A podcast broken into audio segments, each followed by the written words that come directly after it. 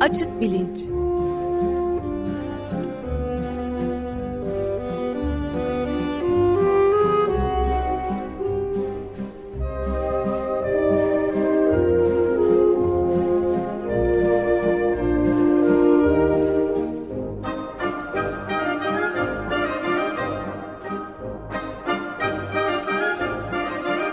Güven Güzeldere ile bilim ve felsefe sohbetleri.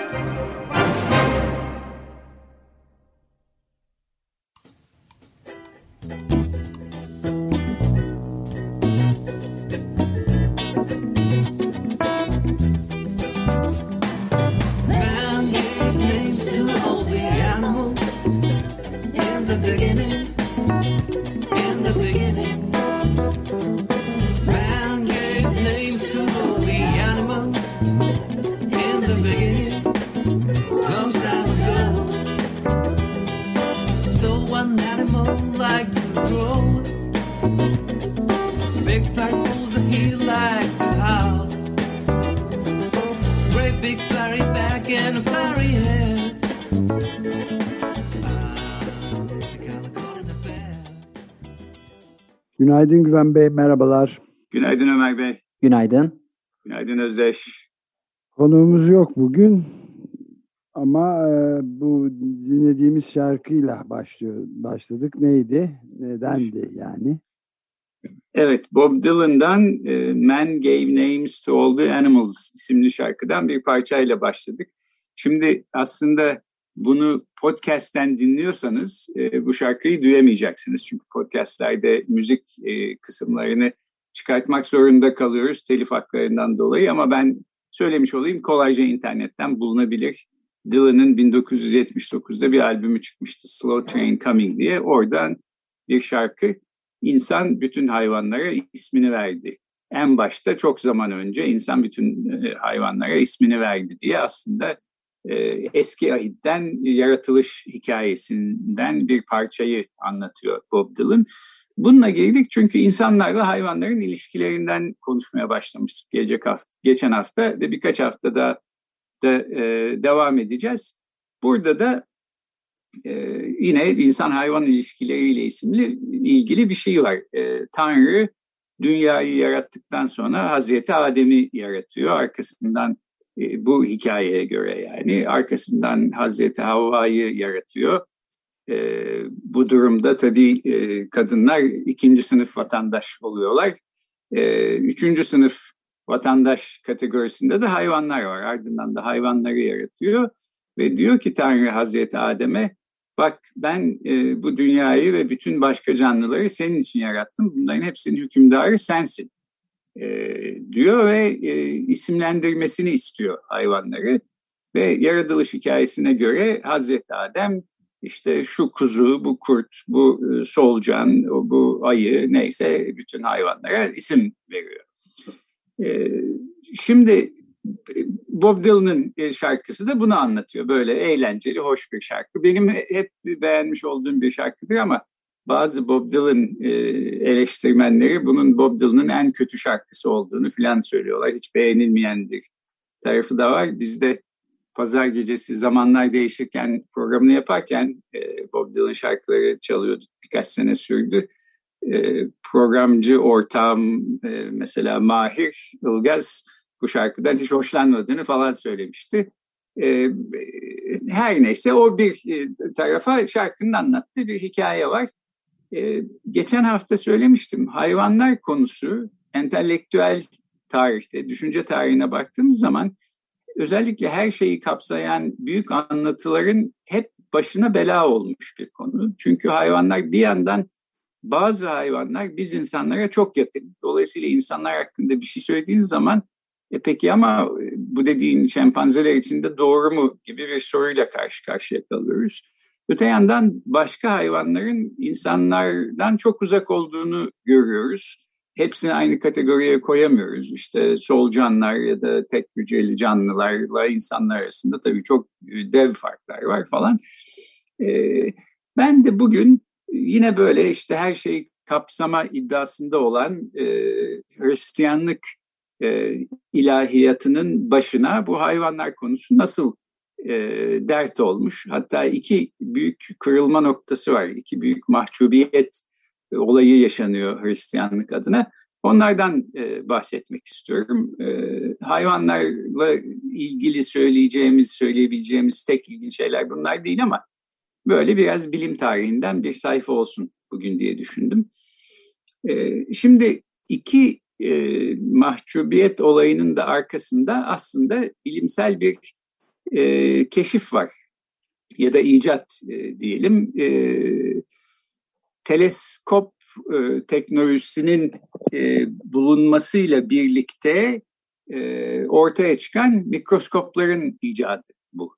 E, 17. yüzyıla kadar e, mercek teknolojisi pek bilinmiyor ve e, aslında dünyanın da biz insanların işte çıplak gözle gördüğümüz, çıplak kulakla duyduğumuz kadarından ibaret olduğu düşünülüyor.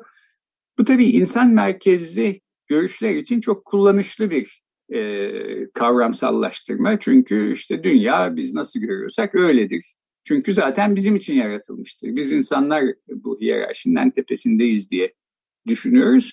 Bu düşünce biçimi aslında çok yerleşik bir biçim. Yani hala bugün mesela çağdaş felsefeciler arasında da en e, genel görüş işte renkler nedir diye sorarsanız insanların e, gördüğü şekilde e, tanımlanan özelliklerdir gibi bir e, başlangıç noktasına varıyoruz.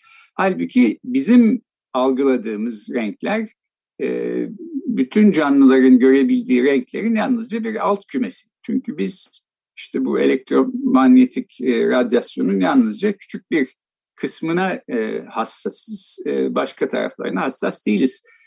Güvercinler mesela dört e, boyutlu bir e, renk e, dünyasına sahipler. Biz yalnızca üç boyutlu bir renk dünyasına sahibiz. Bizden daha az renk görebilen canlılar da var tabii ama bizden çok daha fazla renk görebilenler de var. Bizden bizim alamadığımız kokuları alan hayvanlar, duyamadığımız sesleri duyan hayvanlar var. Ee, insanların belki en büyük özelliği bunu keşfetmeleri ve e, çıplak gözle göremedikleri, çıplak kulakla duyamadıkları şeyleri başka hayvanların mesela algılayabilip insanların algılayamadıkları özellikleri e, araçlar, gereçler vasıtasıyla keşfettikleri ya da icat ettikleri şeyler vasıtasıyla algılayabilir hale gelmeleri. Mikroskop da böyle. E, mikroskop e, ile teleskop birbirine akrabalar. Skop zaten gözlem yapmak için kullanılan araç demek. İşte teleskop uzaktaki şeyleri görmek için kullanılan araç. Mikroskop da küçük şeyleri görmek için kullanılan araç. Ee, önce burada teknoloji tarihi açısından e, teleskop e, önde geliyor. Çünkü e, teleskobu astronomlar kullanıyor. Astronominin de e, o zamanın iktidarlarının da işine yarayan son derece pratik aslında e, getirdiği bilgiler var. Yani mesela işte savaşa çıkılacak, e, Medcezir olayı ne zaman olacak bunu iyi hesap edebilirse e, astronomlar ona göre e, hareket ediyorlar. E, nitekim mesela işte kraliyet e, tarafından e, işe alınan ve hayatını öyle kazanan Kopernik dünyanın en ünlü astronomlarından bir tanesi. E, bu hesaplamalarını yaparken bir yandan da işte basit bir takım teleskopların kullanılmaya başlamasıyla ve onlarla gözlem yapmakla birlikte e, aslında güneşin dünyanın çevresinde değil, dünyanın güneşin çevresinde döner olduğunu fark ediyor. Bunun hesaplarını yapıyor ama kitabı ancak kendisi ölmek üzereyken basılıyor ve hayatı sırasında e, tanınmış, bilinmiş bir e, bilim adamlığı dolayısıyla olmuyor Kopernik'in. Ama bu şekilde belki başı belaya girmekten de kurtuluyor.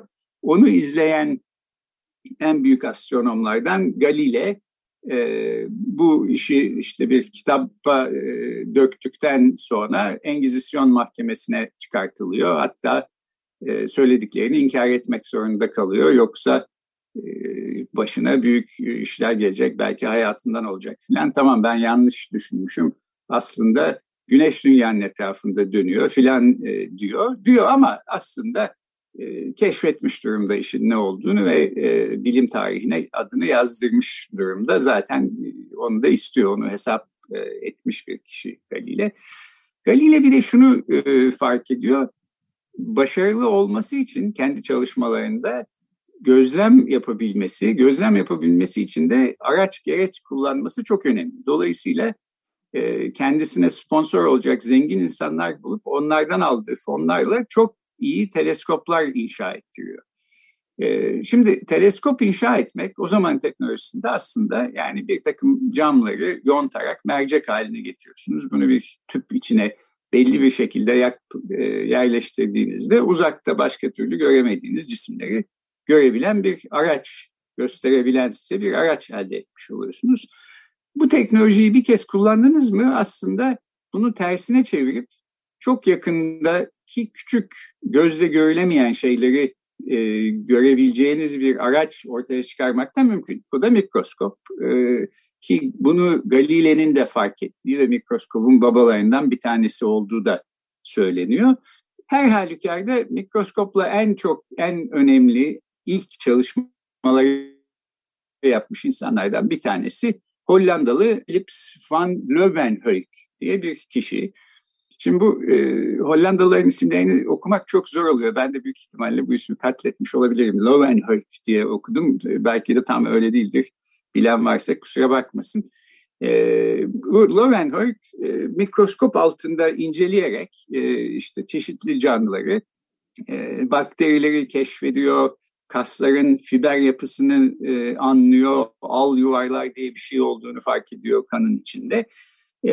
Dolayısıyla pek çok keşfi var. Fakat en önemlisi bunların işte mesela yağmur suyunu alıp mikroskobun altına incelediğinde burada bir takım canlılar olduğunu görüyor. Ve bu canlılar aslında bitki kategorisinde değil hayvan kategorisinde. Çünkü hayvanlara atfedilen özelliklere sahipler. Yani hareketliler, işte birbirlerini avlıyorlar, yiyorlar. E, bunlara Löwenhoek animalkül adını veriyor. Yani hayvancıklar, küçük hayvanlar. Peki bunda ne var diyeceksiniz? Yani bu, bu Hristiyanlık için niye bir e, mahcubiyet meselesi olsun? E şimdi e, Bob Dylan'ın şarkısında da çaldık. Yaratılış hikayesinde diyor ki Hazreti Adem bütün hayvanlara isimlerini verdi. Şimdi şeyden geçtim e, yani tek tek bütün hayvanlara isimlerini verdi herhalde demiyor. Bu belli değil. E, eski ahidi okuduğunuzda burası muğlak bırakılmış.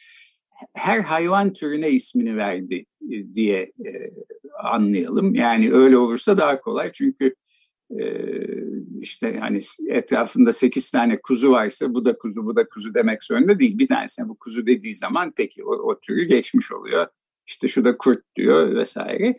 Fakat o zaman bile şimdi biliyoruz ki mikro e, hayvanlar dünyasında göz önüne aldığımızda milyonlarca tür hayvan var. E, Hazreti Adem e, mikroskobu da elinde yoksa bu küçük hayvanları göremediği halde bunlara nasıl isim vermiş olabilir?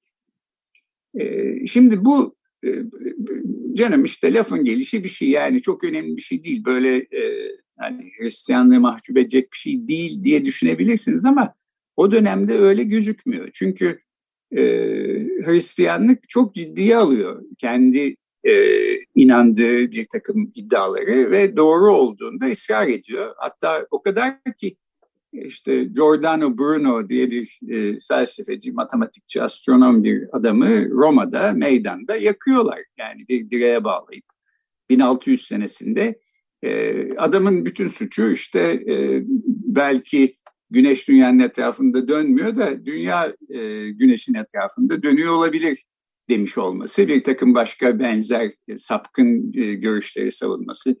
Şimdi dünya mı güneşin etrafında dönüyor, güneş mi dünyanın etrafında? Bu aslında bilimsel bir soru. Yani elinizde bir matematiksel model varsa, yeterince güçlü teleskoplarınız varsa bunun cevabını bulabilirsiniz. Bu böyle o cevabı verdi diye insanların yakılması, öldürülmesi e, gereken bir şey değil. Elbette değil yani. Bu çok saçma bir şey. Fakat e, Hristiyanlık belki biraz güç zehirlenmesinden, belki her şeyi kontrol etme derdinden, işte o zamanlar sahip olduğu baskın anlayıştan filan ötürü e, kendi çizgisinden en küçük bir sapmaya bile izin vermiyor. E, böyle bir durum içinde e, eğer e, yaratılış hikayesini de mecazi olarak değil de gerçekten öyle söylüyormuş gibi alacaksak yani bir mit ya da bir hikaye gibi değil e, gerçekleri yansıtan bir iddialar kümesi gibi alacaksak e peki o zaman Hazreti Adem nasıl bütün hayvanlara ismini vermiş olabilir? Çünkü animal kül diye bir takım küçük hayvanlar çıktı ve bunu ilk defa 17. yüzyılda Löwenhoek fark etmiş oldu. E, bu e, durum e, Hristiyanlık dünyasını bayağı bir sarsalıyor. Hatta bir noktada e, zamanın papası e, ben de göreyim şu animal küller neymiş filan diye böyle merak ediyor. İşte mikroskop getirilip kuruluyor. Herhalde eteklerini toplayıp kafasındaki taç düşmesin diye onu tutup filan eğilip bakıyor işte mikroskoptan papa. E, tabii baktığınız zaman bir mikroskoptan böyle hemen anlayabileceğiniz bir şey görmüyorsunuz. Yani bir damlanın içinde işte hareket eden bir takım gölgeler falan gözüküyor en fazla ama e, bilim dünyası o zamanın biyologları bunların hayvan olduğunu ve hayvanlar dünyasının bizim gözle görebildiğimizden çok daha geniş bir dünya olduğunu kabul ediyor. E, öyle olunca da yaratılış hikayesini ancak bir mecazi şekilde bir mitoloji olarak anlamamız gerektiği ortaya çıkıyor. Bu da aslında Hristiyanlığın geri adım atmasına e, sebep olan e, bir durum. Bugün bilim dünyasında nasıl bir e, buluş olur da işte Hristiyanlığı ya da diğer örgütlü dinleri sarsar diye sorsak belki öyle bir buluş artık olamaz.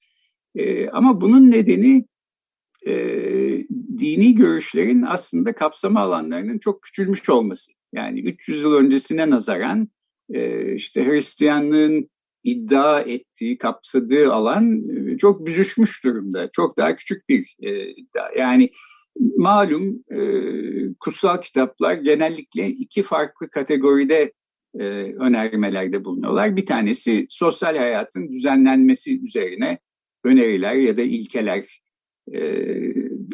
veya işte hukuki kurallar diyelim boşanacaksınız ya da bir davanız var ya da kazancınızın bir kısmını yoksul insanlara vermeniz lazım. Ne kadarını veresiniz? İşte komşunuzla ilişkileriniz nasıl olsun filan. Bunlar e, bilimsel olarak belki kanıtlanabilecek ya da yanlışlanabilecek iddialar olmayabilir. Ama bunların yanı sıra bir takım doğruluk iddiaları da var kutsal kitaplarda. Hep bir kısmı tarihi iddialar. İşte bir tanesi bu mesela Hazreti Adem bütün e, hayvanları tek tek isimlendirdi. Öylece başladı yaratılışın ilk adımı bu oldu filan. Bunun doğru olmadığı ortaya çıkıyor. Buna benzer iddiaları e, aslında hemen hepsi bir e, mahcubiyet nedeni ola gelmiş düşünce tarihine baktığımız zaman. İkincisini de anlatayım. İkincisi de yine mikroskopla ilgili. Bu e, animal küllerin ortaya çıkışından yaklaşık 100 yıl sonra 18. yüzyılda e, İsviçre'de bu sefer Abraham Tremblay diye bir e, kişi var. Aslında bir bilim insanı bile denemez. Bir tür e, doğa meraklısı bir adam. E, çok zengin bir ailenin iki küçük çocuğuna özel hoca olarak tutuluyor işte çocuklarla beraber bir yaz boyu onlara ders veriyor filan. E, büyük bir malikane, malikanenin içinde olduğu bir büyük alan var. Orada bir göl var. İşte gölde balık tutuyorlar ama e, biyolojiyle ilgilenen bir adam Tremblay. E, oradan mesela çeşitli e, e, hayvanlar topluyor gölde bulduklarını. Evinde mikroskobu var geliyor çocuklarla mikroskop altında bakıyorlar falan. Orada tatlı su polipi diye adlandırdığı bir e, mikroorganizmaya rastlıyor Tremblay. Buna daha sonra hidra deniliyor bugün e, zoolojide. E, ve tamamıyla şans eseri bu e, tatlı su polibini e, ikiye kestiği zaman bir süre sonra bu iki ayrı parçanın rejenerasyonla tekrar büyüdüğünü ve iki tam polip haline geldiğini fark ediyor Tremblay. O zamana kadar 18. yüzyıla kadar hiç böyle bir şey fark edilmemiş. Bu yalnızca mikroorganizmalarda olan bir şey değil. Yani bazı solucan türlerinde filan da ortadan kestiğimizde hayvan iki e, hayvan haline geliyor. Olabilen e, bir şey aslında ama kimse gözlememiş. E, Tremblay çok heyecanlanıyor. İşte bir takım e, tanıdığı e, bilim insanlarına bunu yazıyor mektupla. E, işte yok olamaz falan diyorlar. Sonra bir tanesi diyor ki sen bize en iyisi bu gönder bu poliplerini. E, anlat bakalım biz de bir deneyelim burada laboratuvarda.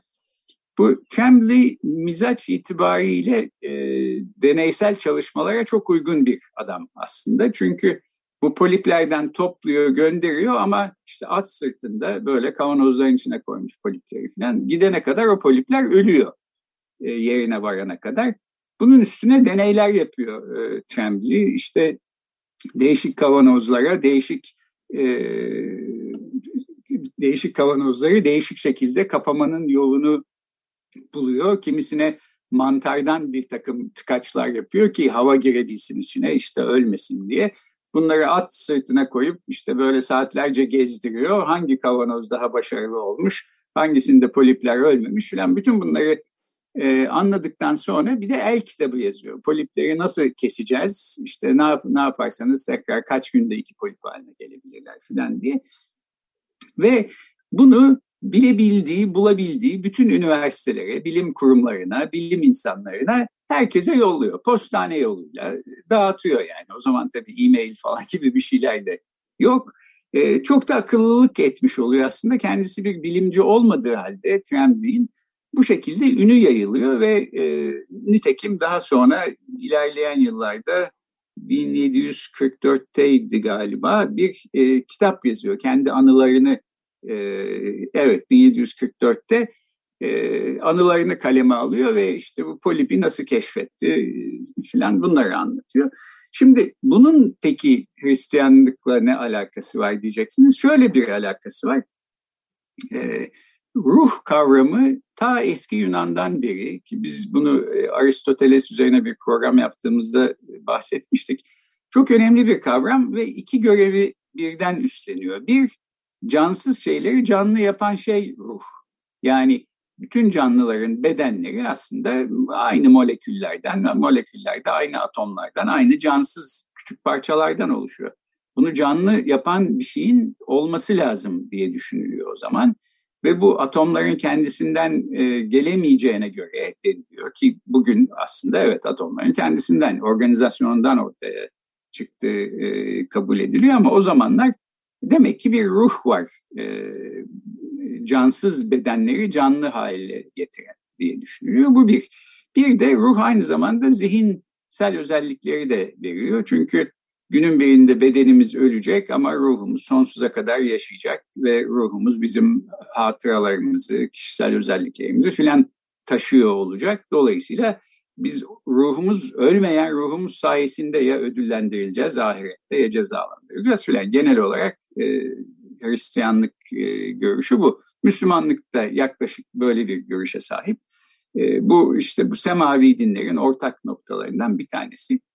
Şimdi Tremblay'in e, bulduğu bu polip şöyle bir sorun yaratıyor. Siz polibi ikiye kestiniz. E, iki tane polip oldu. İki polipin, iki polip parçasının iki ayrı ruhu mu var? Böyle olması için yani bu polip parçaları yeniden bütün polip haline geliyorlar. Yaşayan canlılar oluyorlar. Bunları canlı yapması için e, ikisinin de birer ruha sahip olması lazım. Ama ortada bir polip varken o polipin bir ruhu vardı. Demek ki ruhu ikiye böldünüz. Fakat ruhun ölümsüz olması için bölünemez bir şey olması lazım. Yani fiziksel şeyler gibi bölünebilen, parçalanabilen e, bir şeyse ruh, o zaman bizim ihtiyacımız olan ölümsüzlük e, gereğini yerine getiremiyor, karşılayamayacak demektir. Dolayısıyla bu da bir kriz yaratıyor. İşte bu poliplerin ruhu var mıydı, yok muydu, ruh ikiye mi bölündü, e, ne oldu filan diye. E, buradan hareketle zaten 18. yüzyıl, 19. yüzyıldaki büyük değişimlerin habercisi olan bir yüzyıl. E, işte Darwin, Türlerin Kökeni kitabını yazacak bütün canlıların ortak bir atadan geldiğini söyleyecek. Darwin'in öğrencisi Huxley e, ruh gibi bir şeye gerek yok anlat, anlamak için e, diyecek. Nitekim daha 18. yüzyılda bile işte poliplerin ruhu yoksa belki biz insanların da ruhu yoktur. Belki canlılığı anlamak için ruha ihtiyaç yoktur filan diyen felsefeciler de çıkıyor. Dolayısıyla bu da bir sarsıntı yaratmış. Yine mikroskop kaynaklı e, işte böyle bir e, mahcubiyet belgesi olarak bilim tarihine geçmiş. Evet, tam biterken ben de bir şey daha bir şey sormak istiyorum. Yani bu e, özellikle bu mikroskoplarla yapılan çalışmaların aydınlattığında aydınlatan insanların son zamanlarda yeni bazı buluşlarla da sarsıldığı söylenebilir. Yani mikrobiyom denen çok küçük canlılar mesela e, bağırsak e, sisteminde yer alıyorlar ama trilyonlarcası insanların. Evet ve, ve nispeten bir buluş o da. Evet oldukça yeni ve bu mesela bütün anlayışı da tersine çevirebilecek kadar güçlü bir şey. Çünkü yani o hep ünlü bir laf vardır ya you are what you eat diye. Yani sen ne ne yiyorsan sen olsun gibi bir şey. Halbuki bunun şimdi tersi. Çünkü bu iyi mikrobiyomlar, bakteriler, bu bağırsaklarımızdaki e, yararlı denen e, mikrobiyotalar e, we are what they eat o halini alıyoruz. Yani onlar ne evet. yiyorsa e, biz ancak o şekilde hayatta kalabiliyoruz filan insanlar olarak. Yani böyle de yeni bir çok yeni bulgular var görebildiğim kadarıyla benim. Evet ve o mikroorganizmalar olmasa biz yaşayamayacağız. Çünkü evet, kesinlikle. onlara bağımlıyız.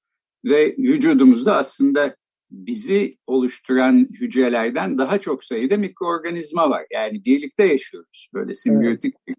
bir durum Tamamen var. Ve trilyonlar sayıları yani küçük evet. bağırsağımızda evet. E, kalın bağırsağımızda trilyonlarca var bu yaratıklarla. Evet.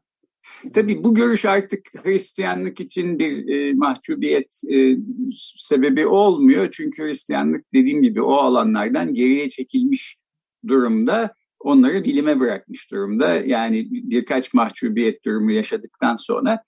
E, ama bu mahcubiyet hikayesine, ruh meselesine getireyim. Buna cevap olarak e, dini bütün Hristiyan düşünürlerden bir kısmı diyorlar ki e, evet yani belki de o zaman hayvanların ruhu yok. Bu sorunu böyle çözelim. İnsanları ikiye böldüğünüz iki insan haline gelmiyor. Dolayısıyla insan ruhuyla ilgili öyle bir sorun yok. Hayvanların ruhu yok diyelim. Yani o zaman hayvanlar birer makineden ibarettir. Evet. Bu da işte René Descartes'in, felsefeci Descartes'in görüşü. Burada da başka sorunlarla bu sefer karşı karşıya kalıyoruz. Yani yağmurdan kaçarken doluya tutulmuş oluyoruz. Onu da gelecek hafta anlatayım. Peki çok teşekkürler. Ben teşekkür ederim. Hoşçakalın. Görüşmek üzere.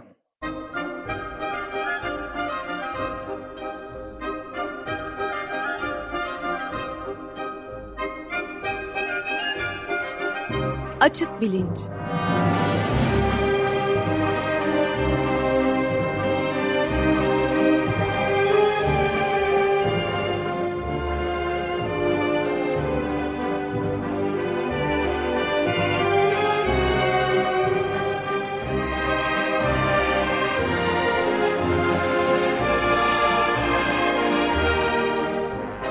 Güven Güzeldere ile bilim ve felsefe sohbetleri.